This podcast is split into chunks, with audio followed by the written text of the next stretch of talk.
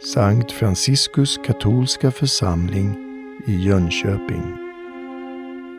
De två bröderna som gick ut och eh, fiskade, Petrus och Johannes, men även de andra var med, och eh, de fick ingenting.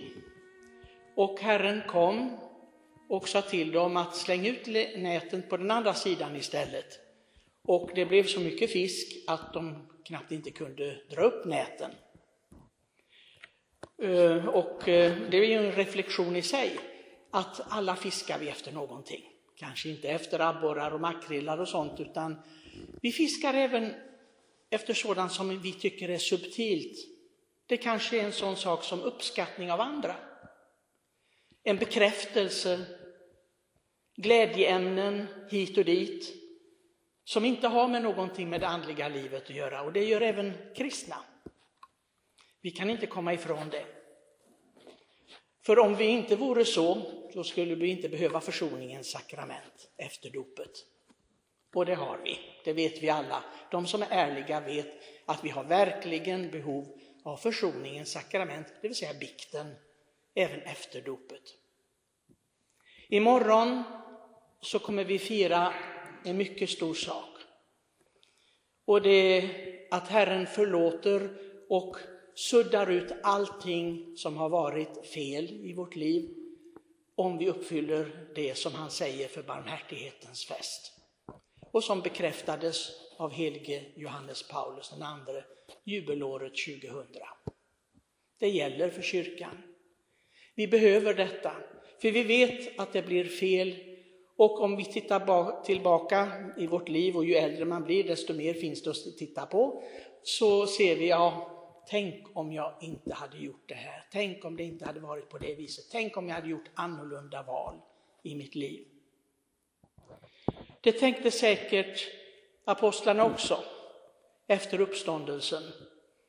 Herren förebrådde dem, står det i dagens evangelium, deras otro och halsstarrighet, att de var så envisa. De ville inte ens tro på de vittnen som de kände mycket väl, de kunde inte riktigt lita på det. Och då undrar man varför följde de Herren i flera år då? Vad var det för mening med det om de inte trodde på att han skulle uppstå, att han var segrare över död och misslyckanden? Vad följde de honom för då? Det är väl ingen mening med. Att följa efter någon som inte har svaret, som inte har kraften och makten, det är ju helt meningslöst. Och han var antagligen ganska så arg på dem för detta. Han var besviken på dem. Varför tror ni inte? Varför lever ni inte av tro? Och det blev helt annorlunda sen, men de behövde detta beviset. Och naturligtvis var det ett bevis för hela kyrkan, för sen förändrades deras liv. Och för mig, naturligtvis, så är det ett stort bevis på att Herren verkligen är uppstånden, för de levde på ett helt annat sätt. De gick och gömde sig, de var rädda, och sen plötsligt så får de mod och kraft. Och de som var motståndare till Kristus och till lärjungarna också naturligtvis, de blev förvånade över deras frimodighet, hörde vi i första läsningen från Apostlagärningarna. Att de var så frimodiga. Och då först så börjar de säga Petrus, som är den som har sagt nej, jag känner honom inte. Jag känner, när det gällde den som hade visat honom mest kärlek, då säger han, nej, jag vet inte vem det är. Jag känner honom inte. Jag följer honom inte. Men här, när han visste att det var farliga motståndare i templet, då plötsligt får de kraft. Då vågar de. För de hade sett, de fick bevis. Men Jesus säger, saliga de som inte får några fysiska bevis som ni, ni har tagit på mig. Ni har kunnat sticka liksom fingrarna i mina hål och i sidan. Men saliga är de som tror utan att ha dessa bevis. Så deras tro var egentligen lite mindre värd. För de hade bevisen och då behövs ingen tro. Så det gäller oss nu. Är vi också frimodiga?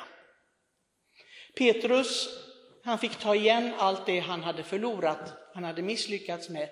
Och han ställde sig upp och säger till dem att vem ska man lyda först och främst?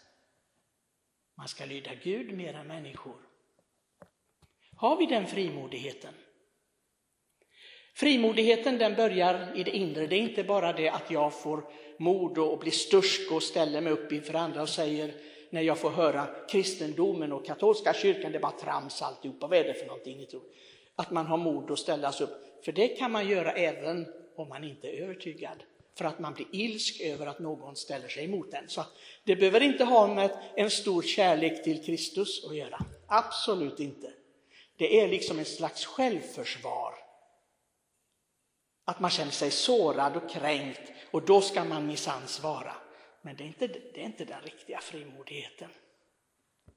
Frimodigheten den börjar med mitt inre när jag vågar vara annorlunda än andra.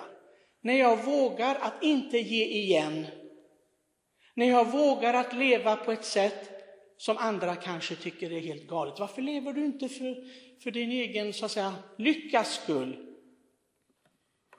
Njut av livet. Det är det som är människans filosofi idag. Det har det alltid varit. Ni ska inte tro att det bara är dagens människor. Det har alltid varit så. Njut av livet. Gläd dig över livet. Ha det bra. Försök att roffa åt dig så mycket du kan i livet och få ut någonting av det. Vad är det annars för mening att leva? Och det är så människor, de flesta, lever. Vågar vi vara, är vi så frimodiga och säga nej, jag ska leva ett evangeliskt liv. Jag ska förkunna detta, ni hörde i slutklämmen på evangeliet, Herren säger, gå ut och förkunna evangeliet för hela skapelsen. Att leva annorlunda, där är frimodigheten. Att lyda Gud mer än människor. Det handlar inte om att ställa sig upp inför myndigheter och andra människor och säga nu ska vi minsann säga här vad vi tror på och vi ska bli respekterade för det. Nej, det handlar inte om det.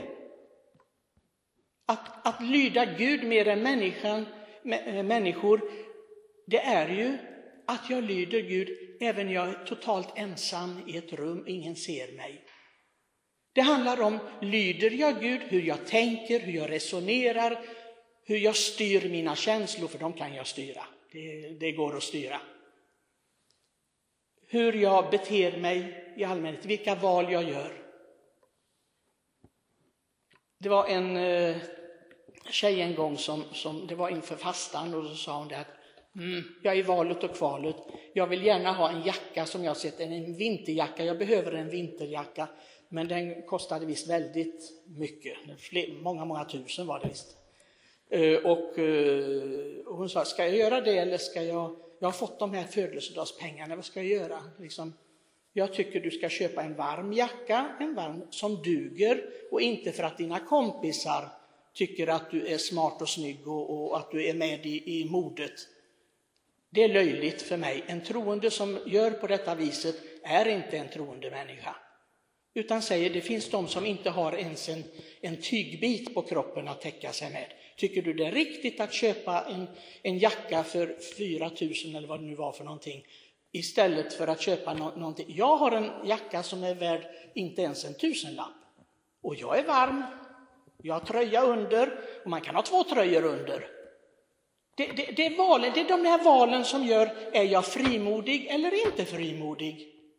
Är jag, tar jag Jesus på allvar eller tar jag inte Jesus på allvar? Så det handlar inte om det första, det, ja vi ska minsann säga till de där hedningarna där ute hur det ligger till och, och, vem det är som bestämmer, det är Gud som bestämmer. Ja det vet vi. Gud har alltid sista ordet. Var inte rädd för det. Liksom, jag är inte rädd för det det minsta. Herren har det sista ordet. Var så säker på, alla ska dö, alla ska bli dömda. Det ska jag, det ska ni, det ska de där ute också. Herren har sista ordet. Men frågan är om jag har besvarat vad han vill under mitt liv. Eller har jag bara gått som lärjungarna gjorde i gårdagens evangelium och fiskat fel i livet. Jag fiskar efter det som ger mig ett bekvämt liv, ett skönt liv, ett glatt liv eller vad det nu kan vara. Och så fångar jag upp skräp som jag sen får ångra. Att vara frimodig, det är att säga till sig själv, Vad är det du behöver? Min vän, vad behöver du?